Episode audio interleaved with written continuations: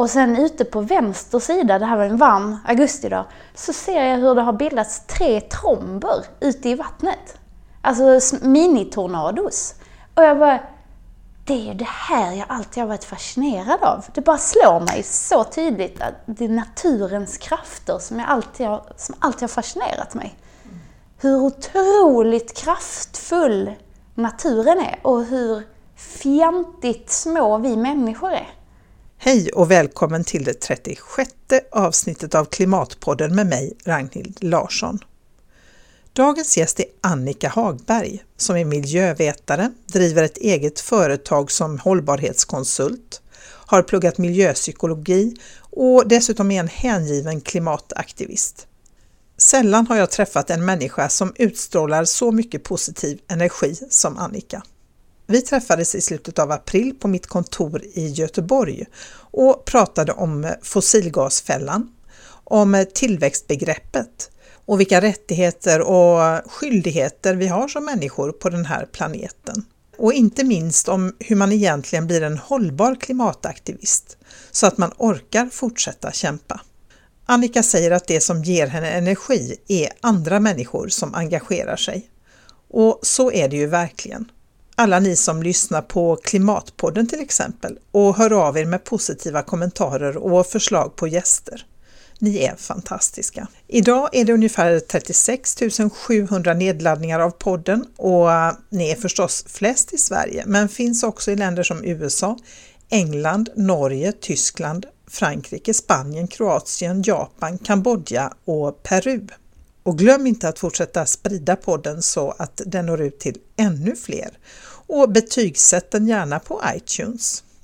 Mer information om Klimatpodden och dagens avsnitt hittar du på klimatpodden.se. Men nu är det dags att köra igång dagens avsnitt med Annika Hagberg. Det blev ett ovanligt långt samtal och ändå känns det som att vi bara hann halvvägs, så förmodligen blir det en del två så småningom. Välkommen till Klimatpodden Annika Hagberg. Tack så mycket. Vem är du? Oh, vilken underbar fråga. Eh, ja, jag vet inte. Du är väldigt många olika saker, eller hur? Vad gör du just nu? Just nu så, så pluggar jag. Ehm, jag, har, jag flyttade till Göteborg i augusti för att läsa miljöpsykologi och eh, läste det 30 poäng under hösten och så har jag fortsatt nu denna våren och läst en eh, kurs i samhällsvetenskaplig metod för att jag har en, en, en magister i, i miljövetenskap och det är ju en naturvetenskaplig utbildning så jag ville komplettera den nu med mer samhällsvetenskapliga eh, metoder. Och det, det var jättenyttigt. Eh, och så läser jag lite mer psykologi nu. Jag är ju uppväxt med två naturvetarföräldrar också som liksom drillat mig hårt i det här med att ifrågasätta och läsa statistik ordentligt och, och massa sånt. Så att jag har ju verkligen det, det naturvetenskapliga tankesättet men nu när jag har jobbat i, i fem år och aktivistat i, snart, i ja, tio snart så så har jag märkt liksom att det är mycket mer än bara naturvetenskap som ska till för att man ska kunna åstadkomma förändring.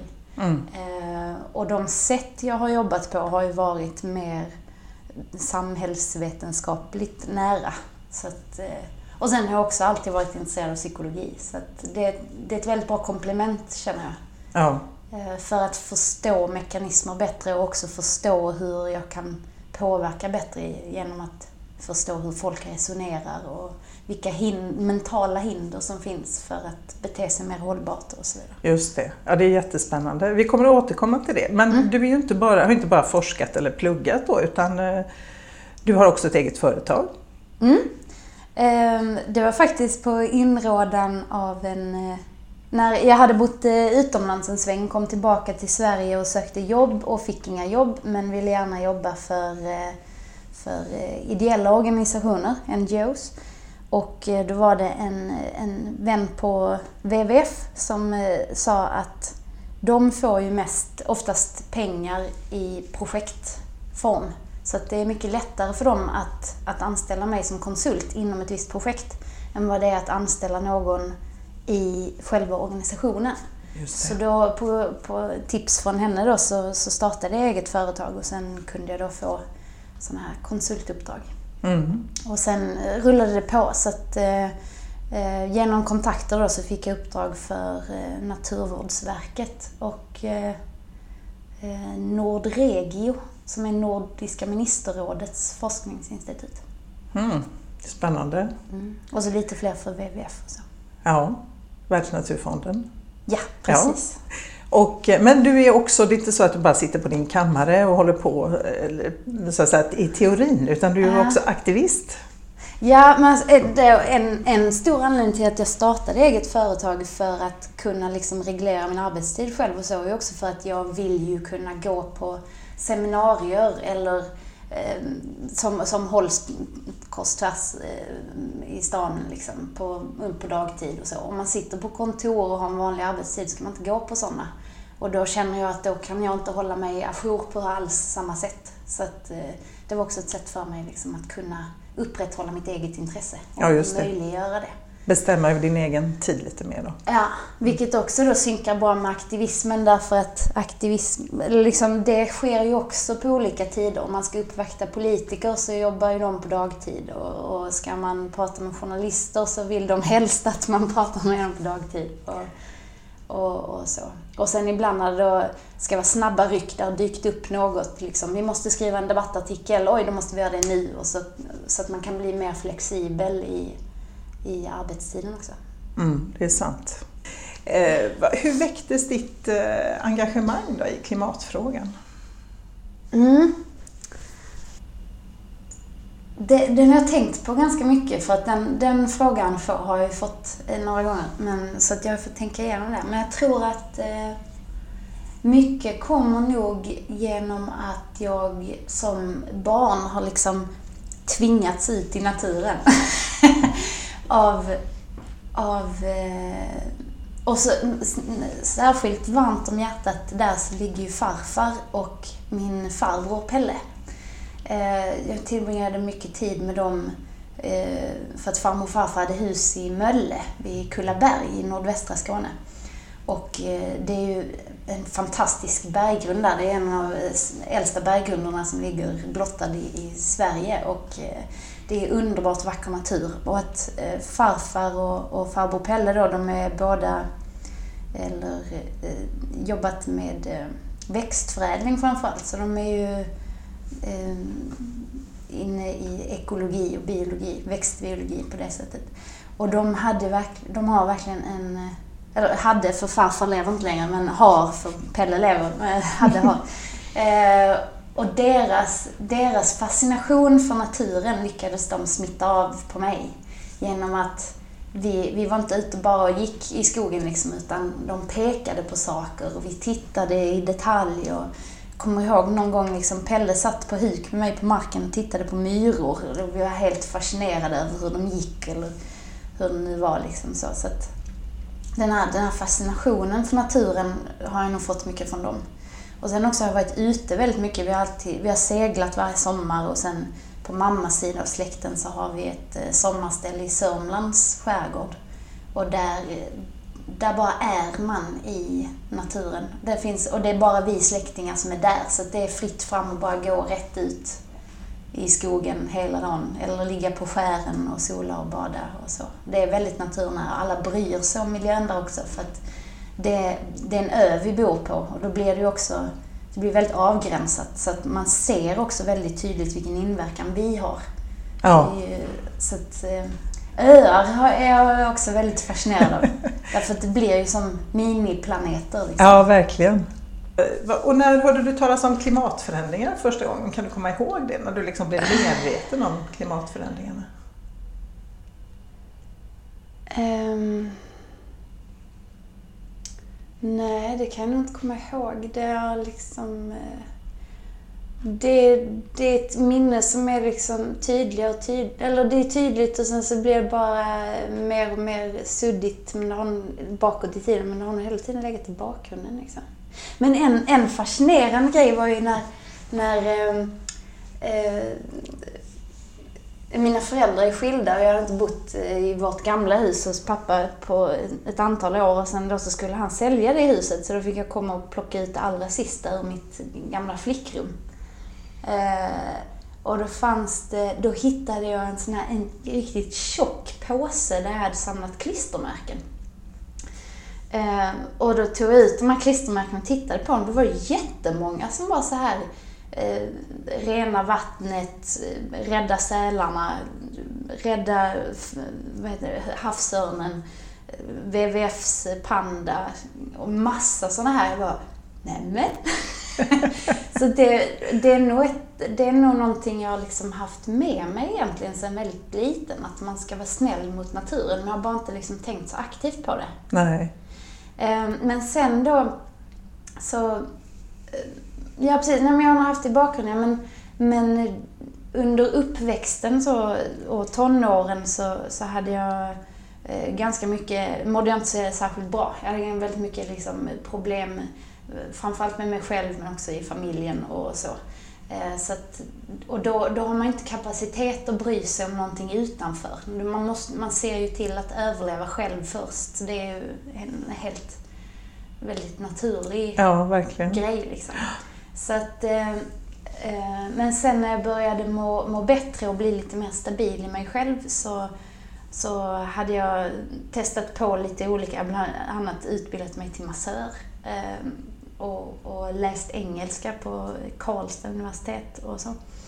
Eh, och sen så var det då Pelle igen, farbror Pelle, han, eh, han bjöd mig på en sån här spaka själv-dag. För det hade min storebror fått när han fyllde 15 och sen nu då så var ju jag mm, 21, mm, 22 någonting i alla fall. Så sa han liksom, du, du vet Peter fick en sån här spaka själv-dag, det ska du också få liksom. Jag bara, åh gud vad roligt! vad är det för något? jo, då är det att man, man får eh, flyga flygplan. Ah. Med en pilot. Eh, och så här litet flygplan. Eh, tvåpersons liksom. Och då var det i Höganäs, som också ligger precis söder om Kullaberg då i nordvästra Skåne. Så att eh, Pelle, Pelle körde, vi åkte ut dit till det här lilla flygfältet och så eh, fick jag hoppa in i den här lilla flygplanet. Det var ultra light och vägde 500 kilo. Alltså det är en halv bil. Ja. Det, var, det var som att kliva in i en konservburk. Alltså den var... Man kände det var riktigt tunt skal liksom och bara kommer vingarna sitta kvar? Hjälp! Och så, det var ju så litet i den här lilla cockpiten då, så det kändes nästan som att jag satt i knät på den andra, på piloten då. Och, och jag var så spänd och så nyfiken och så fullt påslag liksom, adrenalin och uppmärksamhet. Så sa piloten till mig då liksom, ja, fick man ta på sig såna här hörlurar, coola hörlurar med, med mikrofon och så hör jag hans röst i hörlurarna fast han sitter bredvid mig. Liksom, så här. Så sa ja nu får du anropa tornet här och säga, ja, Delta Z Foxtrot vad det nu var, 783 ansöker om att lyfta, eller hur det nu var. Och jag var bara så nervös så jag fick inte fram ett ljud. Jag bara. Uh, så här, kom igen nu. Ja, ja, jag gör det. Och så liksom anropade han tornet och så, så tornet hör man där i hörlurarna. Ja, ja, flyg nu. Underbar skön skånska. Uh, och så började vi skumpa ut där på, på startfält, eller landningslyftbanan, landningsbanan där man, som man lyfter på. Så började det skumpa ut det här, det är gräs liksom, tuvor. Så här jätteinstabilt och skakigt. Och så drar han på och då skakar den liksom. Och så plötsligt bara kommer man upp i luften och det bara zoom. Så här.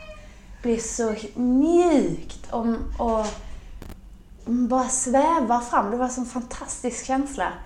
Eh, och så kommer vi upp då i luften och så bara liksom börjar den här utsikten bre ut sig över nordvästra Skåne och det var en underbar sommardag i augusti och det var jättevarmt.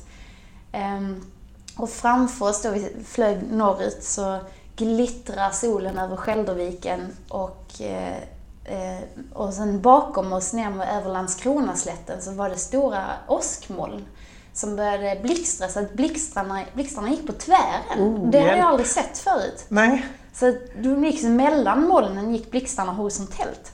Och sen ute på vänster sida, det här var en varm augustidag, så ser jag hur det har bildats tre tromber ute i vattnet. Alltså minitornados. Och jag bara, det är ju det här jag alltid har varit fascinerad av. Det bara slår mig så tydligt att det är naturens krafter som, jag alltid har, som alltid har fascinerat mig. Mm. Hur otroligt kraftfull naturen är och hur fjantigt små vi människor är. Och det bara liksom, jag ska läsa om miljö! liksom, bang! Så, um, så var vi uppe då, vi var uppe bara i fem minuter, så kommer jag ihåg att han började sjunga någon Frank Sinatra-låt. Jag bara, okej. Okay. För att han förstod att jag var på helspänn. Och sen så hör vi då i hörlurarna, ja du det ser lite jävligt ut med vädret här, ta ner tösen igen va. vi fick flyga ner igen så fick vi de flesta pengarna tillbaka tyvärr. Men, eh, men den här fem minuters upplevelsen var... Det räckte för att du skulle liksom veta att nu är det det här du ska ägna dig åt? Ja, det är helt fantastiskt. Och så, så ringde jag då, eller gick jag nästa dag in på Lunds universitets hemsida och såg vad de hade restplatser till för att det var ju bara några veckor kvar till terminstart. Och ehm, så såg jag att de hade ett, eh, ett program i miljövetenskap och då ringde jag till den studievägledaren och sa du, jag har ju fattat nu att det är det här jag vill läsa. Snälla, snälla, snälla finns det någon plats kvar? Och då sa nej alltså det, det är knökfullt. Vi har 70 platser och just nu är det 74 antagna. Men okej okay, då, jag knör in dig med ett skohorn, kommer jag ihåg att hon sa. Yvonne, eh, underbara Yvonne. Eh, knör in med ett skohorn om du lovar att ta examen. Schysst! jag bara, okej! Eh, så så blev det. Och sen då, ju mer jag började läsa om miljö så växte ju liksom intresset och och eh, min aktivism kom ju då, för att då mådde jag ju också allt bättre, så då fick jag ju också allt mer energi att lägga på saker som var liksom utanför mig själv. Mm. Um, och sen också samtidigt växte ju då förståelsen av, av hur fruktansvärt läget är och att det verkligen, verkligen måste göras någonting åt hur, hur, samhällets, eh, hur samhället ser ut och vad det är vi gör med planeten och dess, eh, vad vi kallar då resurser. Mm. Um, så det ledde, liksom byggde på därifrån.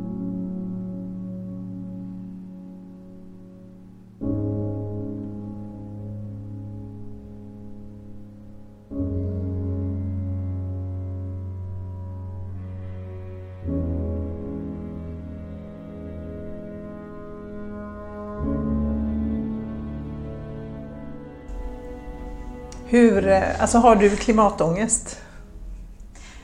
Eh, mycket mer förr. Eh, för jag tror också, i och med att jag har liksom mått själv väldigt dåligt. Jag har haft, eh, jag har ju jag perioder med depressioner. Jag har haft självskadebeteende, jag har haft ätstörningar och självmordstankar. Eh, så att, Eh, och, och missbrukarbeteende. Så jag har ju gått i terapi för det i väldigt många år och då har jag ju lärt mig väldigt mycket genom det också hur jag då kan hantera klimatångest till exempel. För det är ju ångest som ångest liksom. Eh, så det har varit väldigt nyttigt. Du har haft ehm, hjälp av det helt enkelt? Ja. ja. Men vad jag då bland annat har lärt mig är ju att du, ångest ökar ju när du känner att du inte har någon möjlighet att påverka. Eh, att du känner dig låst, att du är maktlös. Eh, fast det är någonting du väldigt gärna vill.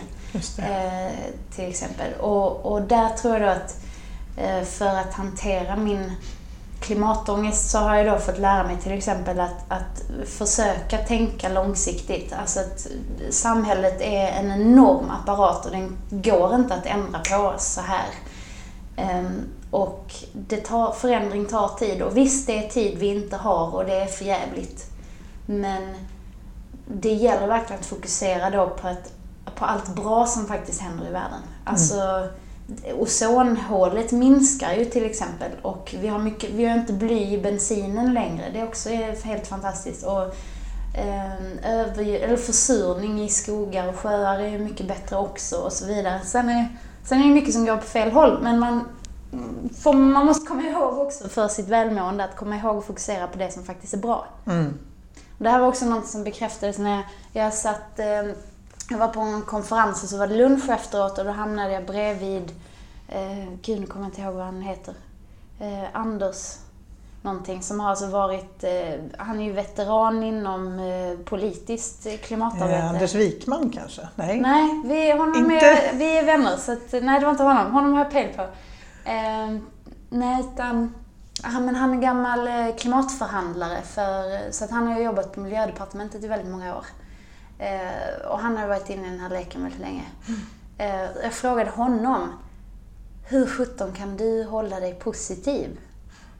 Men då, liksom, då kände jag mig lite som, som att han var Petson och jag var Findus. Och kloka Petson vänder sig till lilla eh, impulsiva, otåliga Findus där och säger att Ja men jag har ju sett hur långt vi har kommit. Alltså hur mycket bättre det är på väldigt många sätt just nu. Alltså hur mycket, hur mycket högre medvetenheten är nu. Hur mycket mer polit eller hur mycket mer aktiva politikerna är. Han hade ju ett mycket längre tidsperspektiv att se förändringen över. Mm. Och, och, då sa han att då är det lättare för honom att hålla sig hoppfull. Mm. Medan jag då som är 25 år yngre eller vad det är, kliver rätt in när den här klimatproblematiken har blivit uppmärksammad eh, men vi inte riktigt hunnit börja agera på den än. Eh, medan han ser det på ett annat, ur ett annat perspektiv. Ja, just det. Men ja, för jag håller helt med dig. Jag tror ju också man måste fokusera på det positiva som faktiskt händer. Sen är ju till exempel media ganska dåliga på att fokusera på det positiva. Alltså vi är ju experter på att lyfta fram det som är problem och eh, katastrof och kris och det påverkar ju människor tänker jag. Ja, absolut. Ehm, alltså på ett sätt som kanske inte alls... Det betyder inte att man ska mm. förtiga sanningen, givetvis inte. Men det är ju alltid en balans tänker jag också. Hur mycket ska man så att säga, po poängtera faran och hur mycket hopp ska man ge? Alltså, ja. Det måste ju finnas både och. Liksom. Ja. Där, där är Hans Rosling en, en varm förebild för mig. Mm. Han, ja, det, finns ju en, det finns en intervju när han blir utfrågad av en dansk journalist. Ja, just det, den har jag sett. Ja. I danska nyheterna va? Ja. ja. Och, och, den danska journalisten säger men det är jättemycket hemskt som händer i världen. Och då säger Hans så här, nej, du har fel. Det händer jättemånga bra saker. Är så här, Nigeria har genomfört sitt första demokratiska val och det gick jättebra. Och det här och det här och det här liksom. Och så säger han då, ja men det här är ingenting man kan debattera. Jag har rätt och du har fel. Punkt slut. det är underbart. Ja. Riktigt bra. Men det, det är också, liksom, det tror jag är jätteviktigt till exempel nu när när Sverigedemokrater och högerextrema är på frammarsch och så, att komma ihåg att titta på statistiken och inte bara lyssna på vad enstaka personer säger att läget är. Alltså om man tittar på statistiken så blir det ju bättre och bättre i världen för människor. Människors levnadsstandard blir bättre och bättre över hela världen. Sen är det ju också då så att ju bättre levnadsstandard vi får, desto mer miljöpåverkan har vi. Det har vi inte riktigt lyckats ändra på. Nej. Men det är färre barn som dör, det är färre mammor som dör, det är fler som kan läsa, det är fler barn som går i skolan, det är färre, eh, färre människor som dör av malaria till exempel och så vidare. Så. Mm.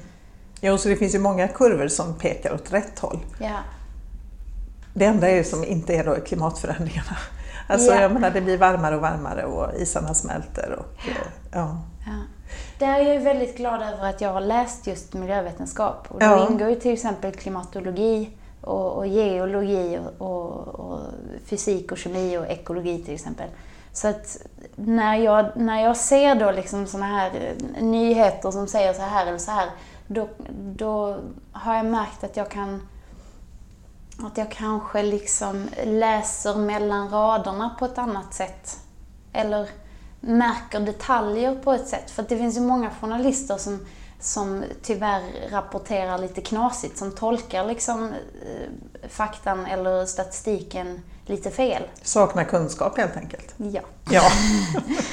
eh, till exempel att när man rapporterar om, om medeltemperatur, då måste man ju hålla koll på om det är norra halvklotet eller om det är hela planeten och över vilken tidsperiod det är, för det är väldigt olika. Det. Och det blir olika siffror beroende på om vilket område, vilket tidsperspektiv man tittar på. Eh, det är väldigt viktigt att komma ihåg, för att om man då blandar zon och tidsperspektiv och bara rapporterar och säger att medeltemperaturen har ändrats så här och så här, då blir det ju väldigt missvisande. Mm. För människor som då bara läser rubriken och inte har tid eller orkat sätta sig in i mer detalj vad det handlar om. Ja, Så det, det. media har en otroligt viktig uppgift i att, i att sköta detta på rätt sätt.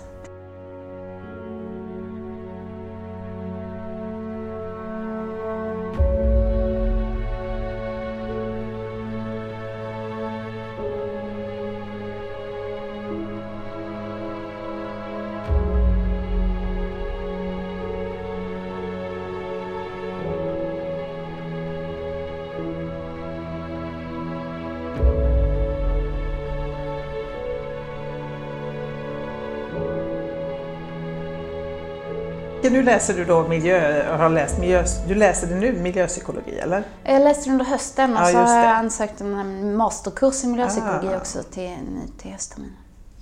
Och eh, har du nu då någon förklaring på varför vi alltså har så svårt att ta till oss det här budskapet, att gå från ord till handling så att säga? Jag menar, de flesta är medvetna, det är inte så jättemånga, i alla fall i Sverige, som säger att nej, men det här klimatförändringar, det existerar inte. Och jag menar, nu har det ju kommit flera rapporter om att det är faktiskt en fråga som oroar väldigt många. Senast nu tror jag är SOM-institutets eh, rapport här. Att det är en av de frågorna som toppar vad människor faktiskt är oroliga för. Eh, Det kom ju tidigare någon undersökning som visar att bland ungdomar upp till 25 tror jag så är det... Mm, det var Världsnaturfondens Ja, det var eh, Världsnaturfonden, just det. Den har ju också misstolkats lite av media. Ah, okej. Kan, du re- kan du reda ut begreppen här kanske? På vilket sätt har den misstolkats? Det, de, det hade buntats ihop två, tre kategorier och sagt att eh, 80% av alla unga är oroliga. Men då, var liksom, då hade de ju svarat tänker på det ibland, tänker på det ofta. Alltså så att man hade liksom Ah, okej. skapat en för stor grupp och, och satt alla dem under samma... Ja, ja, så att det fick... Det, det, man får det att låta som att det är... Man får det låta som, Som att det alla är mycket mer är. medvetna än vad de kanske egentligen är Som, då. ja, precis. Ja. Ehm, Men den, den eh, rapporten är också ett antal år gammal.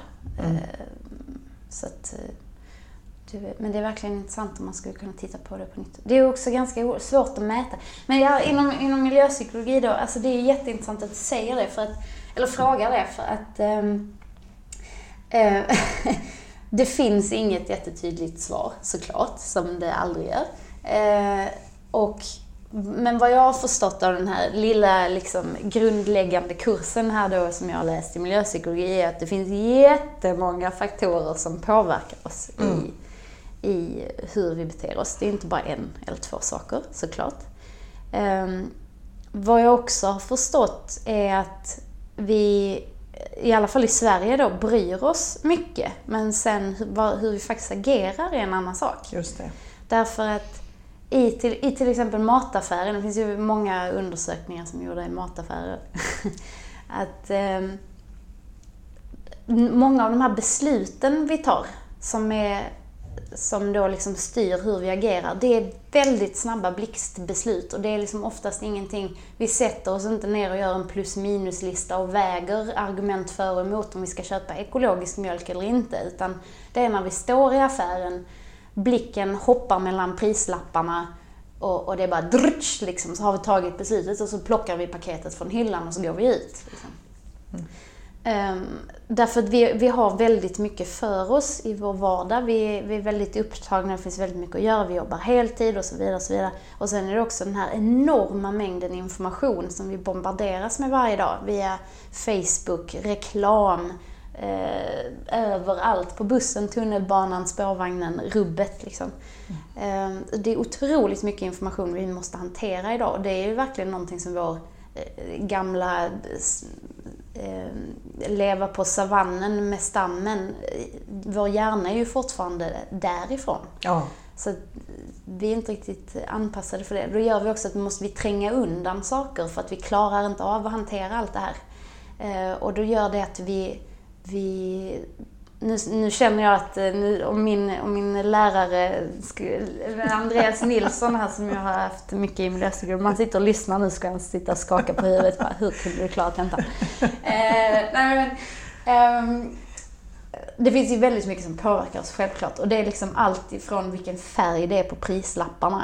Alltså till vad som en vän har sagt till oss på telefon när vi pratat om precis innan man gick in i mataffären. Alltså, vad är det då som är närmast, den, den tanke vi har närmast i huvudet? Har man pratat om klimat eller miljö med en kompis telefon precis innan man går mat i affären, då är man kanske mer benägen att, att se just miljö och klimat. Scanna av varorna en efter miljö och klimat och så då välja det som är mer miljövänligt till exempel. Medan alltså, om man istället har pratat med någon om, om eh, pengar, vi ska sälja huset, hur mycket ska vi, vad ska vi förhandla det om, bla bla bla. Då har man mer pengar som en aktiv eh, tanke i huvudet och då är kanske man mer benägen att just fokusera på prislapp och välja det som är billigast till exempel. Så att, och det, detta gör ju att på det sättet var ju den här kursen i miljöpsykologi ganska deprimerande för att det krävs väldigt mycket för att alla individer ska, ska ta det här steget att bete sig mer hållbart eftersom det fortfarande är så att det finns alternativ som, är min, som inte är hållbara. Precis. Och där kommer ju då systemet in, att om, om, om, om företag och politiker och liknande kunde se till att allt som vi individer, konsumenter, har att välja på är hållbart, då blir det mycket lättare för oss ju att välja ja, hållbart. nu är allt upp till oss, till den enskilda, eller mycket är upp till den enskilda individen i alla fall. Ja, väldigt mycket. Ja. Men sen då den här om, alltså man, eh, ja, för att sen kan då, vad som, eh, då kan ju liksom politiker kan ju lagstifta om styrmedel och så. Till exempel flygskatt nu, det är ju jätteintressant, debatten om flygskatt. Eh, det är ju löjligt, det är självklart att vi ska ha en skatt på flyg. Och, och, till, och fortsättningsvis är det löjligt att flyg inte har beskattat bränsle överhuvudtaget. Ja, det är ju helt barockt. Ja, och att det inte satsas mer på, på forskning, alltså satsa statligt mer på forskning för förnybara bränslen till exempel. Mm. Systemet måste ju ändras på för att i och med att det är så mycket som påverkar oss individer och konsumenter i dagens samhälle så kan man inte lägga hela ansvaret på oss. Det går inte. Nej, man kan ju bli ganska trött på det kan jag känna efter att då ha hållit på i ganska många år som enskild individ. Så känner man att ja, ja, vi når liksom en bit, men vi når ju mm. inte så långt. Det krävs för att få de här riktiga systemförändringarna så krävs det ju liksom politiska beslut någonstans och styrmedel. Mm. Det är ju bara mm. så. Till exempel om man går in på, på Världsnaturfonden har ju en eh, ekologiskt fotavtryck eh, där man kan gå in och kolla hur stort ens ekologiska fotavtryck är. Och, och bara genom att vi är medborgare och bor i Sverige och betalar skatt här mm. så betyder det att vi har ett ekologiskt fotavtryck som är större än det som planeten klarar av ifall alla skulle ha samma storlek. Mm. därför att det vi betalar i skatt placeras på, på olika sätt och det byggs till exempel Förbifart Stockholm eller, eller liknande saker. Då gör det att, att eh, vårt ekologiska fotavtryck blir större även om mm, om jag väljer att köpa havremjölk eller inte spelar, då spelar det ingen roll. Eller alltså jo, det, det är självklart spelar roll, det ska jag inte göra. Men jag har redan traserat mm. mitt utrymme på planeten. Ja, det är ju ganska deppigt. Och då kan man ju å ena sidan tänka, skitsamma, jag beställde den där flygresan till Thailand. Eller ja, alltså. Åh oh, nej! Så, så, uh. så får man inte tänka. Så får man absolut inte tänka. Eh, och det, för det är också någonting jag verkligen, jag hör mig själv säga när jag försöker peppa andra, att allting spelar roll. Mm. Samtidigt så, så är det ju någonting jag själv kämpar med därför att jag lägger ju liksom, jag har ju haft svårt eller det är så här, med diet till exempel. Ens, ens kropp kan ju ta en viss mängd lördagsgodis. Ja. Det är okej okay att käka lördagsgodis för att vi, vi kan hantera det. Man kan bara inte käka lördagsgodis varje dag för då mår man inte så bra. Men, men när det gäller klimatet då liksom, kan jag... Då, då känner jag att moraliskt i min, i min magkänsla säger till mig att jag får inte ens unna mig själv lördagsgodis. Därför att det lördagsgodiset är skadligt för andra människor. När jag väljer att käka lördagsgodis så är det ju bara skadligt för min egen kropp. Liksom, om man då inte tänker på var godiset kommer ifrån, vem som har producerat det och så vidare. Men om man nu bara tänker på liksom rent, det, det, om, om min kropp är ett, eko, är ett ekosystem så, Ja. så pajar jag ju bara mitt eget ekosystem, jag pajar Just inte någon annans. Nej. Eh, Men om jag då väljer att flyga till London över helgen därför att det skulle eh, pigga upp mig och göra att jag orkar kämpa vidare, liksom, får jag verkligen göra det då? Det är en bra fråga. Och det, ja, jag tycker nej. men Men hur... men det, är, det är svårt. Ja, det är jättesvårt. Det är för det, det verkar ju vara, alltså det här kommer nästan upp i varje avsnitt med alla gäster, det här med flygresorna. För det verkar vara en, någonting som vi har väldigt, väldigt svårt Mm. att avstå ifrån. Och inte minst, menar Kevin Anderson sa ju att klimatforskare tillhör ju de värsta, de flyger mer än många andra för de tycker att de är så viktiga. Och han tyckte det var helt absurt liksom. Men, eh, och vi, vi hittar på olika ursäkter och vad heter han, Torbjörn Larsson som är forskare på flyg på Chalmers sa ju också det här att Ofta hänger det ihop, människor som är engagerade i miljön är också engagerade i kanske internationella frågor och, Ja. ja, och vill resa mycket av den anledningen och se världen och sådär. Så att, Mm. ja, det, det är verkligen eh, intressant tycker jag och eh, problematiskt då. Va? Därför att vi betraktar det som du vi betraktar nästan som vår rättighet att få flyga. Va?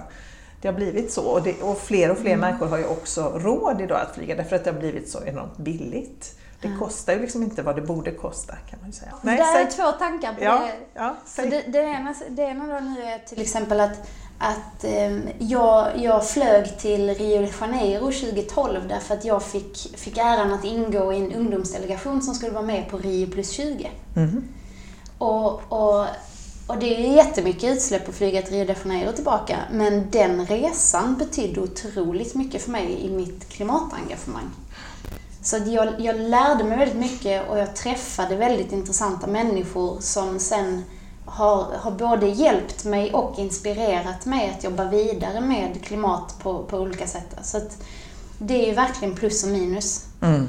Ehm, och, och sen, ja, så det, det är svårt att mäta. Kan man mäta kilo koldioxid mot kunskapen och nätverkandet och kontakterna det kan ge för fortsatt arbete? Men då betyder det att det finns viktiga resor och oviktiga resor helt enkelt då? Att om jag ba, bara vill åka iväg för att roa mig eller om Ja. jag liksom gör det då för att öka min kunskap? Ja. Alltså, där, där tänker jag till exempel att om... Jag, jag har ju bestämt mig för att om jag ska någonstans dit jag kan ta mig landvägen, då ska jag ta mig dit landvägen, punkt slut. Mm. Just det. Annars åker jag inte. Får det bli då. Och när då folk, och så försöker jag då sporra andra till exempel, att, att eh, också ta landvägen och då säger de väldigt ofta att om det är i, i tjänsten eller om det är liksom över en helg för, för att de ska iväg på en helgsemester. Då säger de, nej men jag hinner inte. Ja men, ja, men varför, varför hinner du inte? Kan du inte pri- prioritera annorlunda? Alltså jag menar, det finns ofta wifi på bussar eller tåg Absolut. idag till exempel. Man kan jobba på tåget. Eh, jag, min bästa vän bor i Berlin så det, jag vet inte hur många gånger jag har tagit bussen Malmö-Berlin och då finns det wifi på bussen. Då sitter jag och jobbar där. Eller så läser jag en bok. Eller så läser jag artiklar. Eller så tar jag mig tid att vila och reflektera. Vila hjärnan. Eh, eller och sova. eller, eller någonting annat. Liksom. Alltså det handlar ju om hur man prioriterar och planerar. Och det är ju också någonting i och med digitaliseringen i samhället så får vi mycket allt mer större möjligheter att vara flexibla i hur vi arbetar. Absolut. Och Sen då- går ju inte det för alla. Jag menar, jobbar du på Nej, det det sjukhus inte. är det lite svårt att operera Absolut. på tåget. Men, Ja, precis. Definitivt. Men, men många kan ju. ja. Och sen handlar det om, ja men, måste du verkligen flyga till London över helgen? Kan du inte ta tåget till Göteborg eller Stockholm eller Köpenhamn? För det finns ju, eller, eller åk till Malung eller Ja. ta, promenera i ett naturreservat istället. Alltså, Ja. Det finns ju så mycket annat man Nej, men det är, ju lätt, det är ju lätt att få för sig att ju längre bort desto bättre på något vis. Gräset Ja. är alltid grönare på Ja. andra sidan, när man knappt har sett sitt exotiskt. eget land. Liksom. Alltså, Men alltså jag, jag, ju, jag ska absolut inte på något sätt... Eh, jag är inget helgon på något sätt. Utan jag har ju flugit hur mycket som helst i, i mina dagar.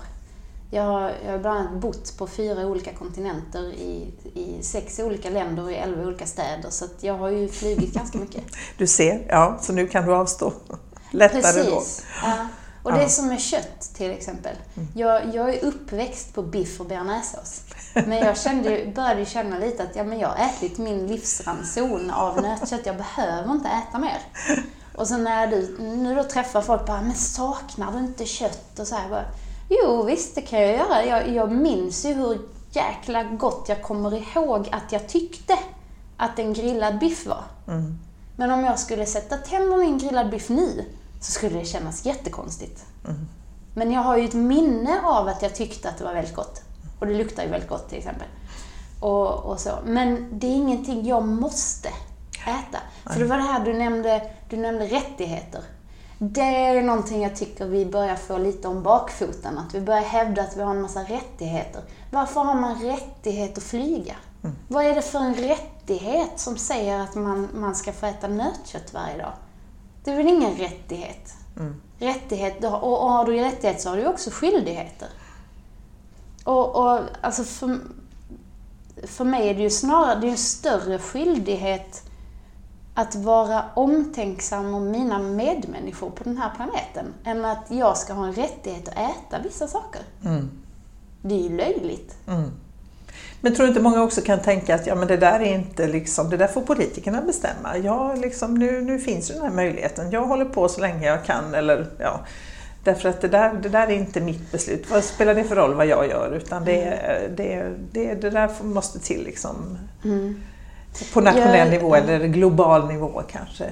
Beslut då, som gör att man styr utvecklingen i rätt riktning. Och så. Ja. Jag, jag, eh, har, jag har förstått att det finns människor som tänker så. Eh, Nej, men jag- jag kan, jag kan förstå det. Dels, är det ju, dels kan det ju vara liksom rent en, en psykologisk försvarsmekanism för att man, man anar vilket enormt ansvar som står och lurar på en ifall man skulle sluta hävda att det ligger på någon annan. Mm. Ehm, Men, men då tänker jag också liksom att vi är ju alla människor, alla människor som vandrar på den här jorden. Om vi nu är så himla smarta och överlägsna som art så har vi ju ett enormt ansvar gentemot allt annat som lever på den här planeten. Om man ska ta en liknelse så är det väl närmast att- hävda Bamse. Är du stark måste du vara snäll. Det är inte svårare än så. Nej. Och för, om man går tillbaka liksom till, till skolgården. Alla, eller väldigt, de flesta av oss har ju gått i lågstadiet. Liksom. Och då man kanske såg någon i klassen som blev mobbad eller så. Då kan du, du kan välja att titta på, men inte göra något. Du kan välja att, att inte titta på och inte göra något. Och du kan välja att agera på det. Och att välja att agera på det är det svåraste. Men det är också det rätta. Och, och det rätta är inte oftast det lättaste, men det är ändå det rätta. Och vi måste försöka. Det är så lätt att försöka skaka det av sig. Men, men det här... Men det är ju fel. Vi måste hjälpas åt. Vi är ju här allihopa. Vi tillhör samma art för sjutton. Mm.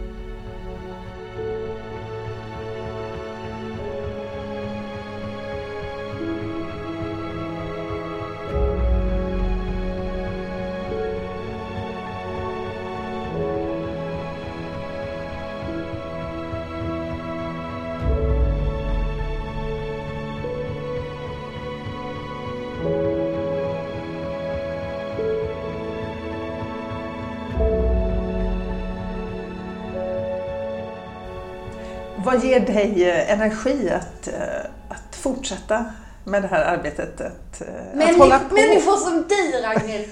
Åh, eh, men an, andra människor, att möta andra människor som bryr sig och också märka att, att den, den här omtanken kommer av kärlek. Eh, det, det var en annan vän som sa det, don't do it out of anger, do it out of love. Därför att man kan inte hålla på och vara förbannad på jätteföretag eller dumma politiker och liksom agera utifrån en ilska gentemot dem. Därför att det är inte hållbart för dig själv. Nej, det blir väldigt jobbigt. Ja, I längden pallar man inte det och då är inte det hållbar aktivism liksom, heller. Nej. Utan jag, jag, jag, har, jag har ju mina liksom mentala problem. Jag går upp och ner och, och jag får liksom, framförallt till nu är det så himla skönt, det är vår. Jag börjar glida ur den här vinterdeppigheten och tröttheten. Liksom.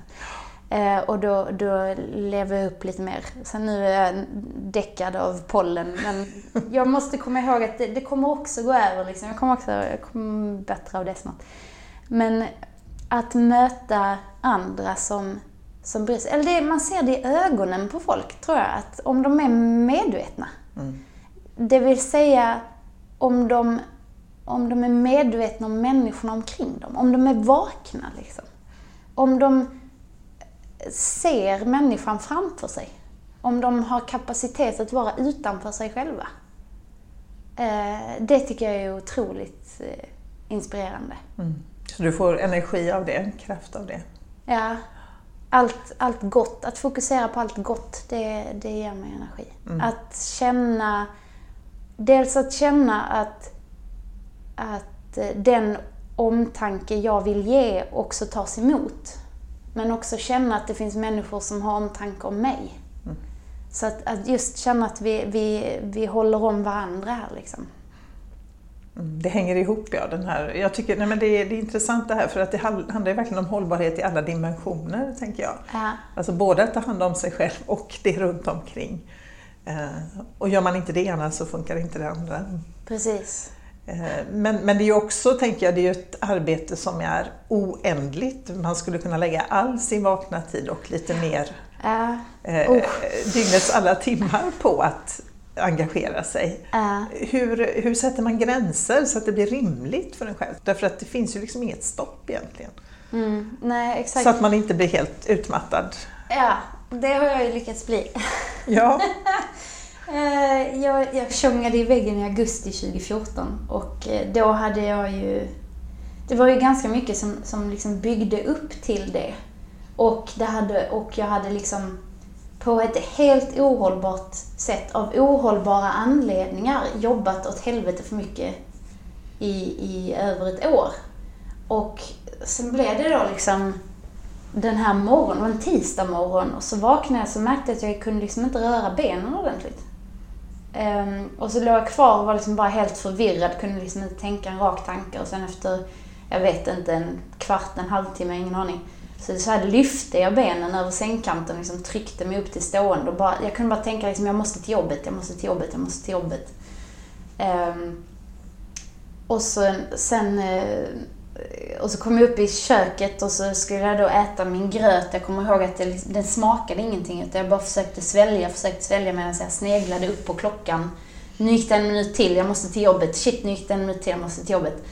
Eh, och det liksom smakade ingenting. Och så ställde jag mig upp och så var jag på väg till diskbänken. Och så bara stannade benen. Jag liksom kunde inte gå det här sista steget fram till diskbänken. Så höll jag i skålen och så märker jag liksom tårar börja rinna i mitt ansikte. Fast jag var, jag var liksom för trött för att känna mig ledsen.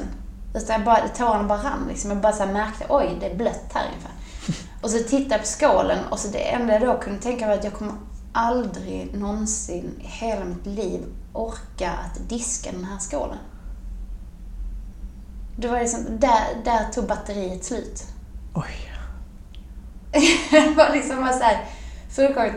Och sen då min killen jag dejtade då, han, han kommer in i köket och så hör jag att han säger någonting till mig. Och jag kan liksom inte, jag kan inte förstå vad han säger. Det låter bara så här. Och så försökte jag svara honom så jag hör inte, jag förstår inte vad du säger, kan du säga det en gång till? Eller något sånt där. Och då, märk, då märker jag att då sluddrar jag. Så att jag hade liksom ingen tonus i mina ansiktsmuskler. Och då slår tanken mig, shit, jag har en hjärnblödning. För det, det är liksom sådana symptom. Och jag men jag reagerar inte på det. Jag bara hör mig själv tänka, jag har en hjärnblödning. Och så liksom ingen reaktion. För jag orkar inte. oh. det, det var trött. Så att, men det var ju liksom, och, och, ja, och så vidare och så vidare. Uh, men, och så blev jag sjukskriven senare. jag jobbade i tre veckor till Oj. Jag är lite envis. Jag är lite för envis för mitt eget bästa ibland. Ja. Ehm, sen blev jag sjukskriven och jag bara grät och sov, grät och sov, grät och sov liksom. Mm. Eh, och helt utmattad, orkade inte göra någonting. Ehm, jag satt mycket i min farbrors trädgård, morbrors trädgård. Och sen när jag väl orkade så började jag rensa ogräs. Det var väldigt... Eh, det kunde jag göra. Rensa ogräs var väldigt eh, mekaniskt och enkelt, så det gick bra liksom. Och så var jag utomhus och fick titta på gröna växter. Men det här var inte riktigt din fråga. Um, alltså att... ehm, Men hur kom du tillbaka då? jag flög. Eh, jag flög till Bali. Eh, Apropå Nej, flyga. jag- Ja. Ja, jag, jag började då gå liksom... Jag gick till... Då bodde jag i Stockholm. Så jag gick till vårdcentralen och eh, då sjukskrev eh, allmänläkaren mig och eh, en månad i taget. Det gav ju ingen sta- stabilitet och framtidsperspektiv att bli sjukskriven en månad i taget. Nej, Liksom, usch, Man går ju inte från noll i batteri till tillbaka på banan på en månad. Verkligen inte. Det, det funkar inte så. Nej. Ehm, så att, ja. Och så, och så liksom läste hon i regelverket, okej då ska jag också ordinera dig terapi, då får du gå till terapeuten som vi har på den här vårdcentralen. Jag bara okej, visst, okej. Och så gör jag det och så går jag och träffar henne veckan efter och då visar det sig att hon är sexolog. Ja, men Jag bara, du skojar med eh, Vilket hån! Ja, och liksom börja med att fråga vad, har du för relation, vad hade du för relation med din far när du var liten? Och jag bara, nej. nej. Så att um, svensk sjukvård där var, var, var ju ganska undermålig. Och jag är otroligt tacksam över vilken tur jag har som har en mamma som är väldigt... Eh, som, som är ju läkare själv och eh, som kunde stötta mig. Hon, har själv varit utmattad och har vänner som varit utmattade och har vänner som är psykologer som hjälper utmattade människor. Så att, Hon förstod vad det handlade om. Ja, och hon kunde ju ge mig tips som var liksom relevanta. Så, att, så att, eh, det var det min mamma som hjälpte mig det första halvåret. Och sen när jag väl kognitivt orkade packa en väska så, så kände jag att det här var då liksom i januari och då var det det är ju inte min starkaste tid på året i Sverige. Så jag, jag måste till mer sol och varmare klimat för jag mår inte bra här. Och då tog jag det väldigt, väldigt svåra beslutet att flyga till Bali. Mm. Eh, För att jag hade en vän som skulle vara där och sa men jag kan möta upp dig och så, det är bra här liksom, kom hit. Så, Eh, så gjorde jag det. Och sen blev det att jag stannade i tre månader och eh, ägnade mig åt yoga och meditation. Och det hjälpte mig otroligt mycket. Vad bra. Ja, det var eh, fantastiskt. Det var precis vad du behövde då. Ja, det var det. det var, eh, men ty, tyvärr vill jag ju liksom inte rekommendera alla att flyga till Bali om de mår dåligt. Men Men det är också skillnad, tänker jag, att åka då och stanna så pass länge. ja, Det är ju ändå bättre. ja. Mm. Det var, det var en otroligt viktig resa för Ja. mig. Det var det verkligen. Vad gör du för att inte hamna där igen då? Jag tänker, har du... Eller Jättebra fråga. Jag- när jag kom tillbaka till Stockholm sen så, så eh, vi kom in på en stresshanteringskurs på ett så här eh, stresscenter. Ehm, och, och själva liksom formatet och, och så passade inte riktigt mig. Eh, men eh, det forskningsbaserade innehållet i kursen tog jag till mig mycket av. Eh, så där fanns ju väldigt många bra tips. Ehm, och det, de pratade också mycket om mindfulness som jag både liksom praktiserade på Bali och också hade mycket med mig från mina, mina tidigare behandlingar från ätstörning och självskadebeteende så för många år sedan. Ehm, så att det var att plocka upp det igen, mindfulness, eh, och komma ihåg att komma ihåg vad mina värderingar är. Mm. Eh, vad är liksom ett hållbart liv? För att om jag, om jag kör mig i botten så mår jag varken bra och jag är varken till någon nytta för samhället heller. Så det är ju lose-lose Mm. situation. Men jag är ju också liksom både perfektionist och har en prestationsbaserad självkänsla och, har, jag är, och, och är väldigt... Eh, jag, jag, tror jag är en sån här highly sensitive person så att jag är också väldigt eh, emotionellt påverkad och det är ju upplagt för utmattning. Det tar väldigt mycket energi ja, att ja, vara det. Ja, det gör det. Ja. Fan vad trött man blir av sig själv. Um, men det är spännande. Så att, um, jag, jag måste ju verkligen komma ihåg att tänka på vad jag gör. Jag måste komma ihåg att äta bra regelbundet, motionera lagom. Jag har ju också liksom eh, träningsmissbrukarhistoria. Eh, eh, träna lagom och också sova tillräckligt är också väldigt viktigt för mig. Och jag märker ju också nu, nu är jag mer medveten om att om jag inte sköter de här väldigt basala faktorerna så märker jag ju hur jag börjar svaja och, och liksom trilla i diket. Så, mm. så det hjälper mig väldigt mycket. Sen är det också väldigt viktigt för mig själv att jag övar på att sätta gränser. Um, och, oh, det kryper Det är svårt. när jag säger det. Är svårt. Oh, ja. Sätta gränser, fan. Ja, uh, men, Varför kryper det i dig? Vad är det du... För att jag, jag, vill, jag vill vara gränslös. Jag vill inte jag vill inte erkänna att jag har begränsningar. Det är ju för jävligt. Ja. När det är så mycket man vill och det är så mycket man vill för det goda för samhället. Mm. Det, det, är inte så att jag har kommit på en jättebra eh, plastpryl som jag vill börja kränga till folk för att det ska jag tjäna multum på. Det är ju bara skit, det, det hjälper ju ingen. Utan jag vill ju göra saker som hjälper mänskligheten, som hjälper planeten, som hjälper arterna, som får, hjälper oss att må bättre. Också att skapa ett samhälle där fler människor mår bättre. Det vill man ju inte erkänna att man har begränsningar i att göra. Nej. Nej. Det, det är, är, ju tråkigt. för jävligt. Och det, och det är ju det som är det luriga, tänker jag då. Därför Precis. Att, ja. men, men då har jag också, också en av anledningarna till att jag flyttade till Göteborg, det var inte bara för att läsa den här miljöpsykologikursen, utan det var också för att jag har väldigt fina aktivistkompisar här.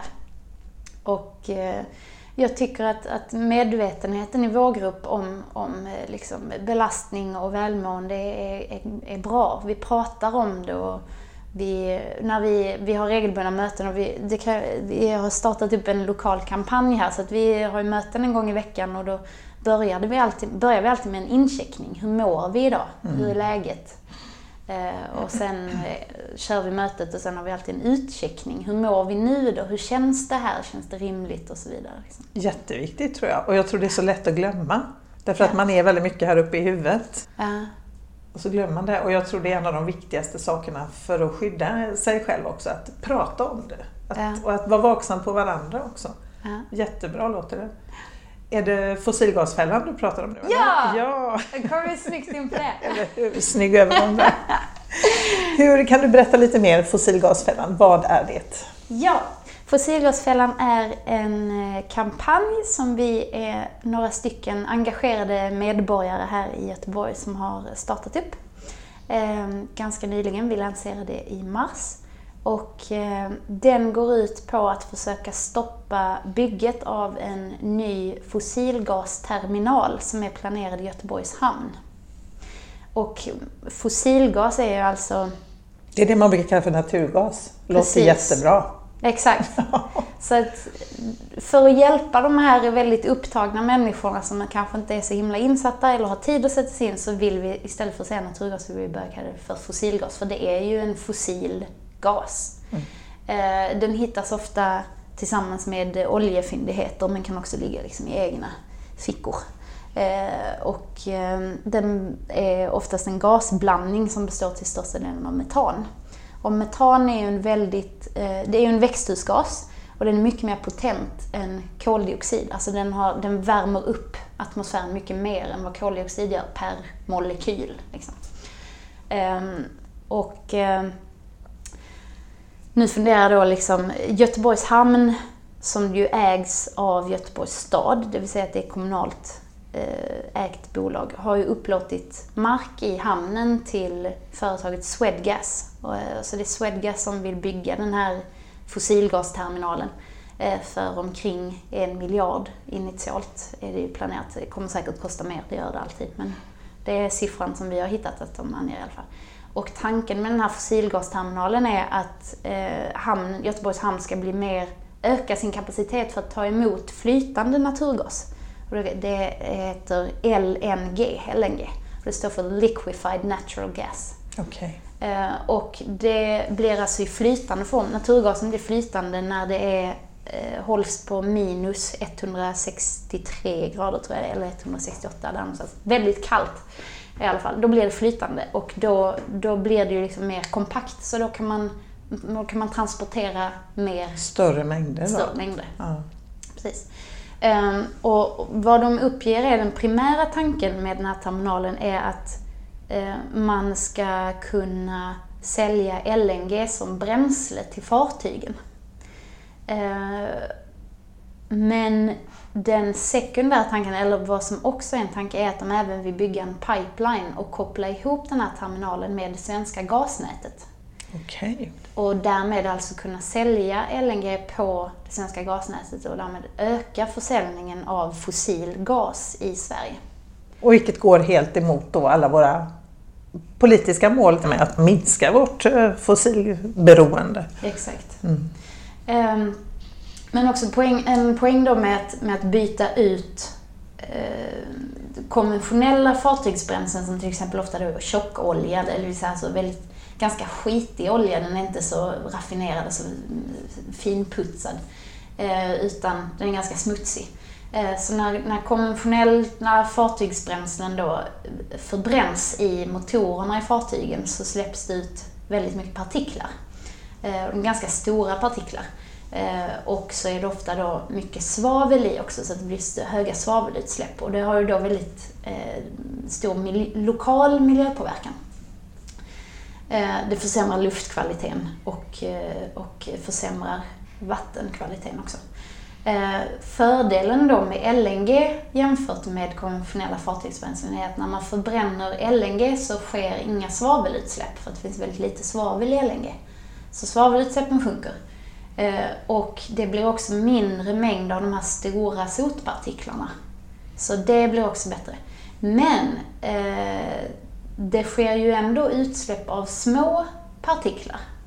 Och de här små partiklarna, de är så pass små så att de, kommer in, de kan komma in i, i våra luftrör, vi andas in dem. Och sen är de så små som kan passera genom alveolerna och därmed komma ut i vårt blodsystem. Eh, och det gör att de blir mycket mer hälsofarliga.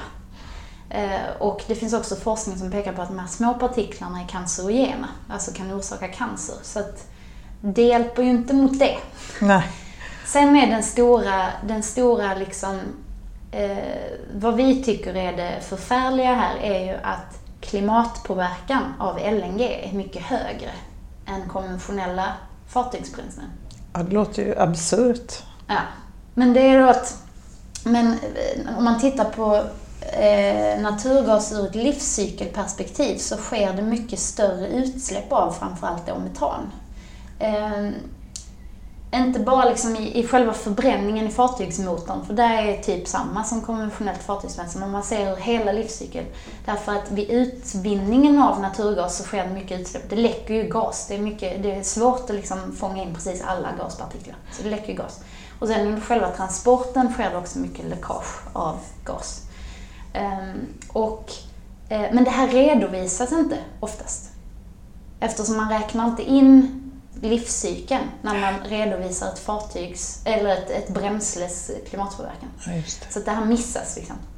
Och grejen dessutom då med metan är att när, när utsläpp för metan redovisas så används ofta gamla siffror för konverteringen av hur eh, klimatpåverkande metan är.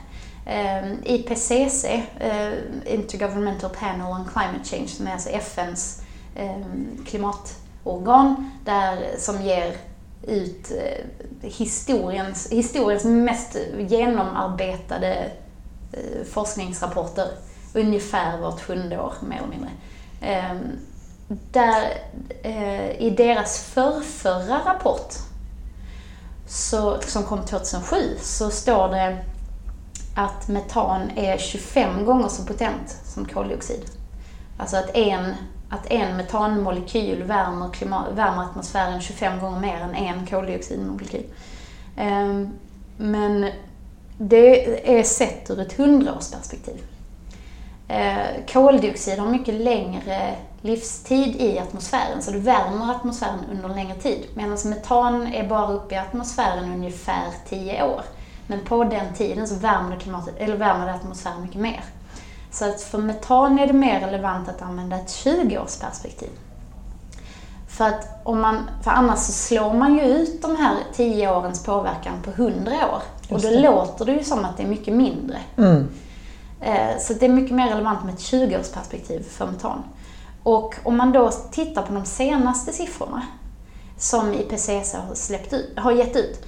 Så om, på ett 20-årsperspektiv så är metan 86 gånger mer potent som växthusgas. Oj. Och det är ju mer än tre gånger så mycket som man tidigare har räknat med. Så att när man redovisar de här siffrorna för metan och, och då LNG och LNGs klimatpåverkan så blir det väldigt skevt mm. och missvisande. Mm. Om man ens redovisar metanets påverkan, vilket man ju sällan ens gör. Så att sett ur ett klimatperspektiv så är LNG mycket sämre mm. än konventionella fartygsbränslen. Och då hamnar man ju i en, i, en, i en etisk debatt där man då ska säga, fråga sig, ja men är, är luftkvaliteten här i Göteborg viktigare än alla de miljoner liv som påverkas av klimatförändringar som vi då spär på. Och vi i Sverige är ju dessutom relativt sett förskonade mot klimatförändringar. Klimatförändringarna sker ju kraftigare kring ekvatorn till exempel och där är ju framförallt dessutom fattigare länder som, har, som är mycket sämre rustade för att kunna anpassa sig till klimatförändringarna. Medan vi i Sverige har mer pengar att lägga på samhället för, för anpassning, klimatanpassning. Så det, och då finns det ju många då som hävdar att, att, att utvidga fossilgasförbränningen är ju ett fortsatt sätt att kolonialisera världen, alltså förtrycka mm. fattigare länder. Mm. Så det... det, mm. det finns, ja. Det svindlar lite. Eller hur? Mm. Eller hur? Men hur går det då? Er, vad har ni gjort så här långt ja, i er har... lilla grupp? Ja, vi, vi lanserade genom att, eh, att eh, sprida en namninsamling och eh, på bara någon vecka så fick vi, hade vi över 700 påskrifter. Vilket är väldigt kul. Det mm. tycker vi är helt fantastiskt. Så vi fortsätter sprida namninsamlingen. Sen har vi kontaktat alla politiker i Göteborgs kommunfullmäktige.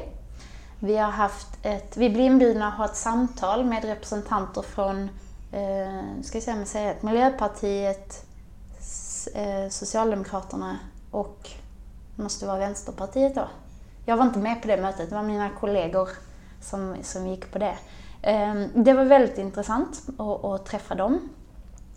Ehm, och sen nu när, eh, när Socialdemokraterna hade sin partikongress i Göteborg så, så skrev vi till flera av de här politikerna som skulle vara där i, i förväg och sa att vi, vi har sett listan över motioner som ska röstas igenom på partikongressen.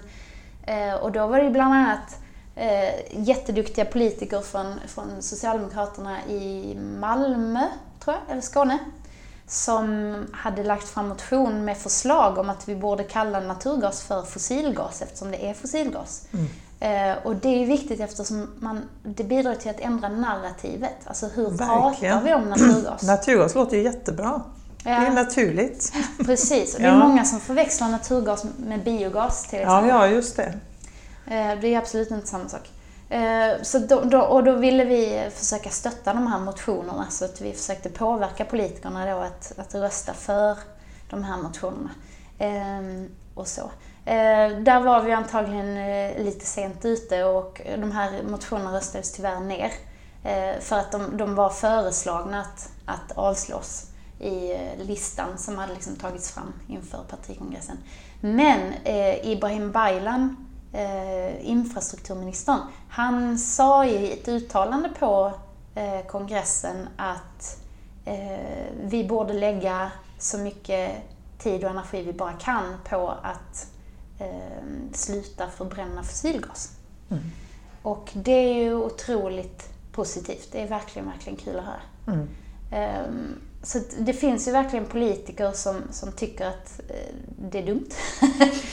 och vi, det är någonting vi behöver då hålla fast, ta fasta på för att eh, processen för den här LNG-terminalen då härnäst är att de har skickat en koncessionsansökan till Energimarknadsinspektionen. Och då betyder det att de har ansökt om att, Swedgas har ansökt om att få lov att sälja LNG. Eh, bland annat då på det svenska gasnätet. Och den här koncessionsansökan eh, skickas till regeringen och sen är det upp till regeringen att besluta om de ska säga ja eller nej till det här. Okay. Så det är ett steg att vi, vi riktar in oss allt mer då nu. Det är en del i kampanjen då att försöka få regeringen att säga nej till den här koncessionsansökan. Så det är egentligen viktigare då än de lokala politikerna just nu i det här skedet då, att påverka regeringen? Det, ja, det är ju olika delar. Ja. Det är olika delar av kampanjen. Men eftersom Göteborgs hamn redan upplåtit den här marken till Swedgas så är det lite svårt där. Men någonting vi kan jobba med lokalt här är ju också att ifrågasätta eh, miljökonsekvensbeskrivningen till exempel och miljötillståndet som eh, Swedgas har fått för att bygga det här. Och det, det får de av kommunen då? Det har de fått, mm. och Länsstyrelsen. Eh, men för det intressanta är ju här att till exempel miljö, en miljökonsekvensbeskrivning beskriver ju vad det är som ska göras på en plats. Och på den här platsen i Göteborgs hamn så ska det ju byggas en LNG-terminal. Och då är det själva bygget man har tittat på. Okay. Man har inte tittat på vad det faktiskt vad är de ska man ska göra. hantera där. Så det är ju inte, det är inte med. Det är ju jättekonstigt. Men, det, men då, är då, liksom, då är det en sak man kan påverka politikerna så att de kan ändra vad som faktiskt ska ingå i en miljökonsekvensbeskrivning. Mm. För att det, det, är ju ganska vettlöst att eh, om man till exempel skulle säga ja men vi ska bygga en ny fabrik mitt i centrala Göteborg och, och, den ska ha senaste, den ska drivas av förnybar energi, ha solpaneler på taket, det ska vara senaste tekniken, vi ska ha avgasrening och allt det här. Tipptopp, noll miljöpåverkan. Shit vad bra, men gör det! Och sen frågar folk, ja men vad ska fabriken producera då? Ja, kanske säger då att de ska liksom producera, eh, eh, gud, eh, vad heter det, radioaktiva splitterminor som ska planteras ut där det finns barnsoldater. Alltså, jag menar, det är helt sanslöst. Ja. Det, man måste ju se helheten i allt man gör. Ja, det låter ju, låter ju väldigt, väldigt märkligt. Ja. Att det fungerar på det sättet. ja. Ja, det kan man tycka. Hur många är ni i er grupp? Vi är fem! Fem, det var inte många. Ja, men eh, vi har precis fått påökning så att eh, vi, vi ska varmt välkomna några nya medlemmar nu i, i veckorna här. Ja. Så det ska bli jätte, jättekul. Men ni lyckas åstadkomma... Alltså hur reagerar politikerna, jag tänker när ni har träffat politikerna? Hur reagerar de på er eh, aktion? Eller på ert mm. agerande? Um, vi, har ju, vi har fått lite blandade reaktioner. Någon har ju liksom skrivit på mail ja men det här har vi koll på. Eller, nej, äh, det är väl ingenting. Eller något sånt. Medan då de som velat träffa oss har varit väldigt eh, intresserade. De har till och med uppmuntrat vårt engagemang som, som aktiva medborgare. Ehm, och tycker att det är väldigt eh, intressant, att vi, eller inspirerande faktiskt, att vi liksom väljer att agera på detta. Och vi gör det ju helt på vår fritid. Det är ingen av oss som får betalt för att göra det här. Utan och vi pluggar eller jobbar heltid allihopa. Mm. Så att eh, eh, vi gör så gott vi kan därför att det är viktigt. Mm.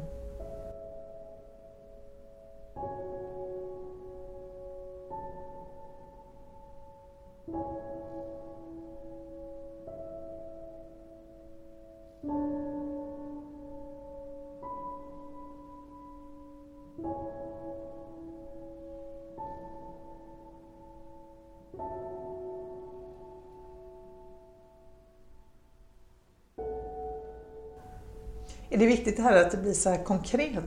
Så att man, alltså i sitt engagemang. Jag menar det kan ju jag antar att det kan kännas lite tillfredsställande också när man faktiskt når någonstans då i det, därför att det ja. blir så superkonkret. Absolut. Eh, det är väldigt skönt. Samtidigt så är, känner jag ju så att när, eftersom det här är globala problem så är det ju ändå så att när man, om man då åstadkommer konkret förändring så är den ju oftast väldigt lokal. Och då är det lätt att tänka, ja men det här var ju en droppe i havet, vad spelar detta för roll? Men, men det gör det verkligen. Det spelar enorm roll. Därför att nu är det också till exempel att om, jag vet inte hur, hur strategiskt det är med liksom, jag vet inte om jag avslöjar grejer, men jag, jag tror på transparens och ärlighet, så skit i det. Eh, att om vi lyckas stoppa det här, så är det ju inte så att det här är den enda LNG-terminalen i, i till exempel Europa som håller på att byggas, utan det finns ju planer på uppemot tio stycken bara i Sverige. Vi har vänner i Danmark som kämpar mot terminaler där. Det finns vänner i Estland och Lettland som kämpar där. Det finns, eh, det finns ju i hela Europa. Och om vi lyckas här att stoppa så inspirerar det ju väldigt många andra till att till att kämpa vidare för att de också kanske ska lyckas stoppa byggena i sina länder. Mm. Um, och, och, men det, det, är också någonting jag har tänkt på liksom i aktivismen då, det här med att få... Jag till exempel då med min prestationsbaserade självkänsla och, eller, ja, eh, och låga självförtroende, jag är ju ganska beroende av att få bekräftelse och pepp från andra. Men det är ofta då väldigt svårt att veta vilken inverkan man faktiskt har på folk. Alltså man är... Man, man träffar någon och har ett peppigt samtal som känns väldigt inspirerande och så går man skilda vägar och så vet man ju inte vad den andra gör. Eller till exempel när jag på gatan väljer att plocka upp någon annans skräp och lägga i en soptunna tre steg bort. Är det någon som ser det? Är det någon som, som påverkas av det? Jag gör det ju ändå. Men man vet ju aldrig.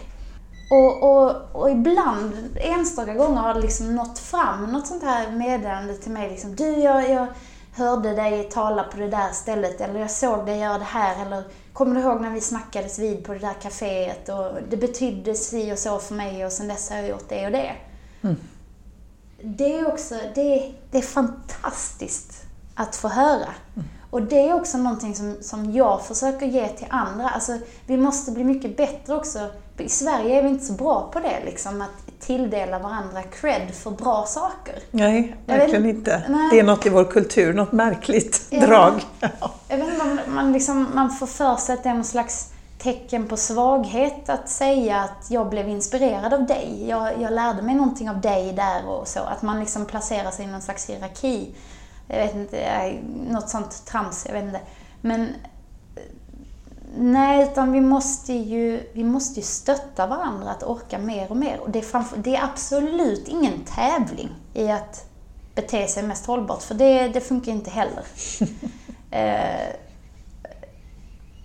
man måste stötta varandra och, och, berätta för varandra vad vi betyder. Ja, och när man tycker att någon faktiskt gör något bra. Man blir ju väldigt glad när man får höra det och det är så lite som krävs tänker jag. Ja. Det blir lite ringen på vattnet. att ja. Man ger och tar och eh, får tillbaka väldigt mycket också ju. Ja. Så det, det är ju helt sant. Till sist skulle jag vilja höra lite grann den lilla enkla frågan eh, alltså som jag brukar avsluta med. Men, alltså hur ser din vision av ett hållbart samhälle ut? Då? Ett klimatsmart och hållbart samhälle. Hur är det att leva där? Jättebra fråga. Um, jag är ju ingen visionär faktiskt, skulle jag inte säga. Men eh, det är någonting jag behöver jobba på för det är otroligt viktigt att ha en målbild av vart vi vill. Vad är det vi vill ha då? För också, det är inte heller hållbart att bara försöka kämpa mot det vi inte vill ha. Ehm, det tillhör ju det här med att fokusera på allt positivt som händer till exempel. Att, att istället dras till det vi vill ha istället för att kämpa sig bort från det vi inte vill ha. Ehm, men jag tänker väl ett samhälle med mindre stress. Ehm, det är någonting jag verkligen skulle vilja ha.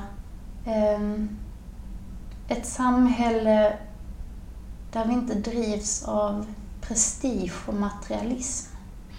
Sen har jag inga som helst illusioner liksom om att vi liksom, all, alla är ju lika värda, men alla vill ju också göra olika saker och alla har olika hög ambition och, och så. Vissa nöjer sig med, med enklare saker och, eller, eller kommer inte längre eller, och så.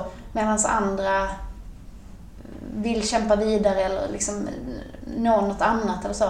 Och, och det, det, ska det är ingenting man ska liksom förhindra. Alltså folk måste ju få ha sina interna drivkrafter. Det är ju en del av, av välmåendet, liksom meningen med livet och, och varför man vill gå upp på morgonen. Mm. Um, men en, en bild som... Det, det, är två saker som eh, jag tycker är väldigt intressant av det här med tanken med vision på framtiden. Då, att den ena är ju när jag läste, eh, eller när jag fick höra för ett antal år sedan om att det här med begreppet tillväxt och, och, och välfärd, när de liksom uppstod, var det i slutet på 1800-talet eller något sånt där. Den här snubben som hittade på det, han, hans, nu kommer jag inte ihåg om det var, eh, cred till honom, eh, att han eh, beskrev ju då detta, alltså han beskrev ju tillväxt som ett medel för att nå välfärd i samhället. Välfärd i samhället är ju där liksom tillräckligt, den absoluta majoriteten har ett, ett tillräckligt bra materiellt välstånd. Ehm, att det finns sjukvård, bra sjukvård, att det finns utbildning och skola till alla och så, och så vidare. Och, så vidare. Och, och där tror jag liksom någonting är liksom, vi, vi måste nöja oss med någon slags ribba där. Alltså det, det, det kan ju inte fortsätta i all oändlighet. Liksom. Man kan inte, du mår inte bättre bara för att du bor i ett större hus. Du, du, mår, du mår tillräckligt bra när du har tak över huvudet och mat på bordet, men sen mår du ju inte bättre för att du har 70 tak över dig och mer mat på bordet än du kan äta upp. Det Nej, precis. Inte. Nej, det finns ju ganska mycket forskning, lyckoforskning, som visar ja, på det där att du den... når till, det är, liksom, det är en viss nivå. Ja. Och sen blir det liksom inte roligare. Nej, precis. Nej. Eh, du kommer också tillbaka till Maslows behovshierarki som är väldigt intressant när man tittar på liksom, mm. eh, depression, ångest och självskadebeteende och så vidare. Mm. Ja. Eh, men det här med att tillväxt är ju ett verktyg, men sen någonstans Jo, på vägen så har vi glömt bort det här då och så ser vi istället tillväxt som själva målet. Det, Just det. det, det blivit... Tillväxt för tillväxtens egen skull på något ja. märkligt sätt. Ja, det är ju en fnurra på tråden där. Men han som hittar på det här då, han hade ju tydligen sagt att när vi väl når den här välfärden i samhället så kan vi ju tona ner på tillväxten och så kan vi då ha möjlighet att jobba mindre och istället ägna mer tid åt att utveckla vår insida. Vi kan filosofera mer, vi kan vara mer kreativa, ägna oss mer åt, åt konst och uttrycka, uttryckssätt um, och, och, så här.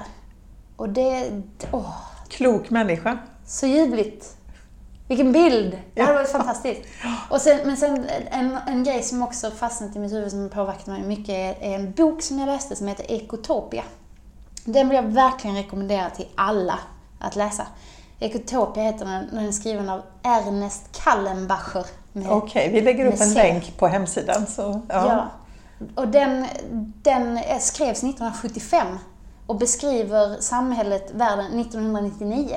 Alltså 25 år fram, 24 år framåt i tiden. Så han var ju väldigt visionär. Och Ekotopia är alltså en stat som bildades när Washington, Oregon och norra halvan av Kalifornien bröt sig loss ur USA och bildade staten Ekotopia. Och så är vartannat kapitel är, handlar om huvudpersonen som är journalist. Han beskriver då olika områden i det här samhället, hur de har löst olika saker. Spännande. Till exempel utbildning och, och sjukvård som är friskvård. Och, och om du blir sjuk så har du en sjuksköterska som framförallt är där för att klappa på dig. Därför att forskning visar att vi läker snabbare om vi har fysisk kontakt.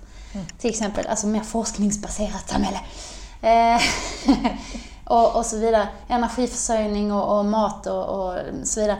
Och sen, och sen vartannat kapitel är då den här journalistens dagboksanteckningar om hur han reagerar på att vara i det här samhället. Eh, fantastiskt intressant bok.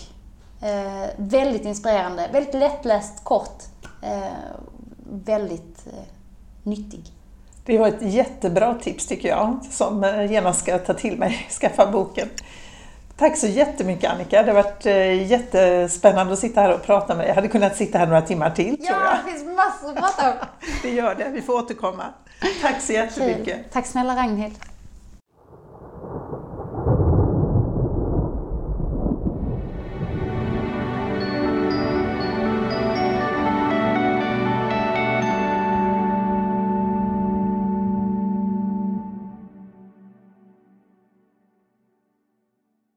Du har lyssnat på Klimatpodden som produceras av Konvoj Produktion. Dagens gäst var Annika Hagberg. Signaturmelodin är skapad av Tommy Caso och musiken i dagens avsnitt är Crying Earth av Kai Engel. Klimatpoddens logga är skapad av Hannes Larsson. Och du kan följa Klimatpodden på Facebook och Twitter.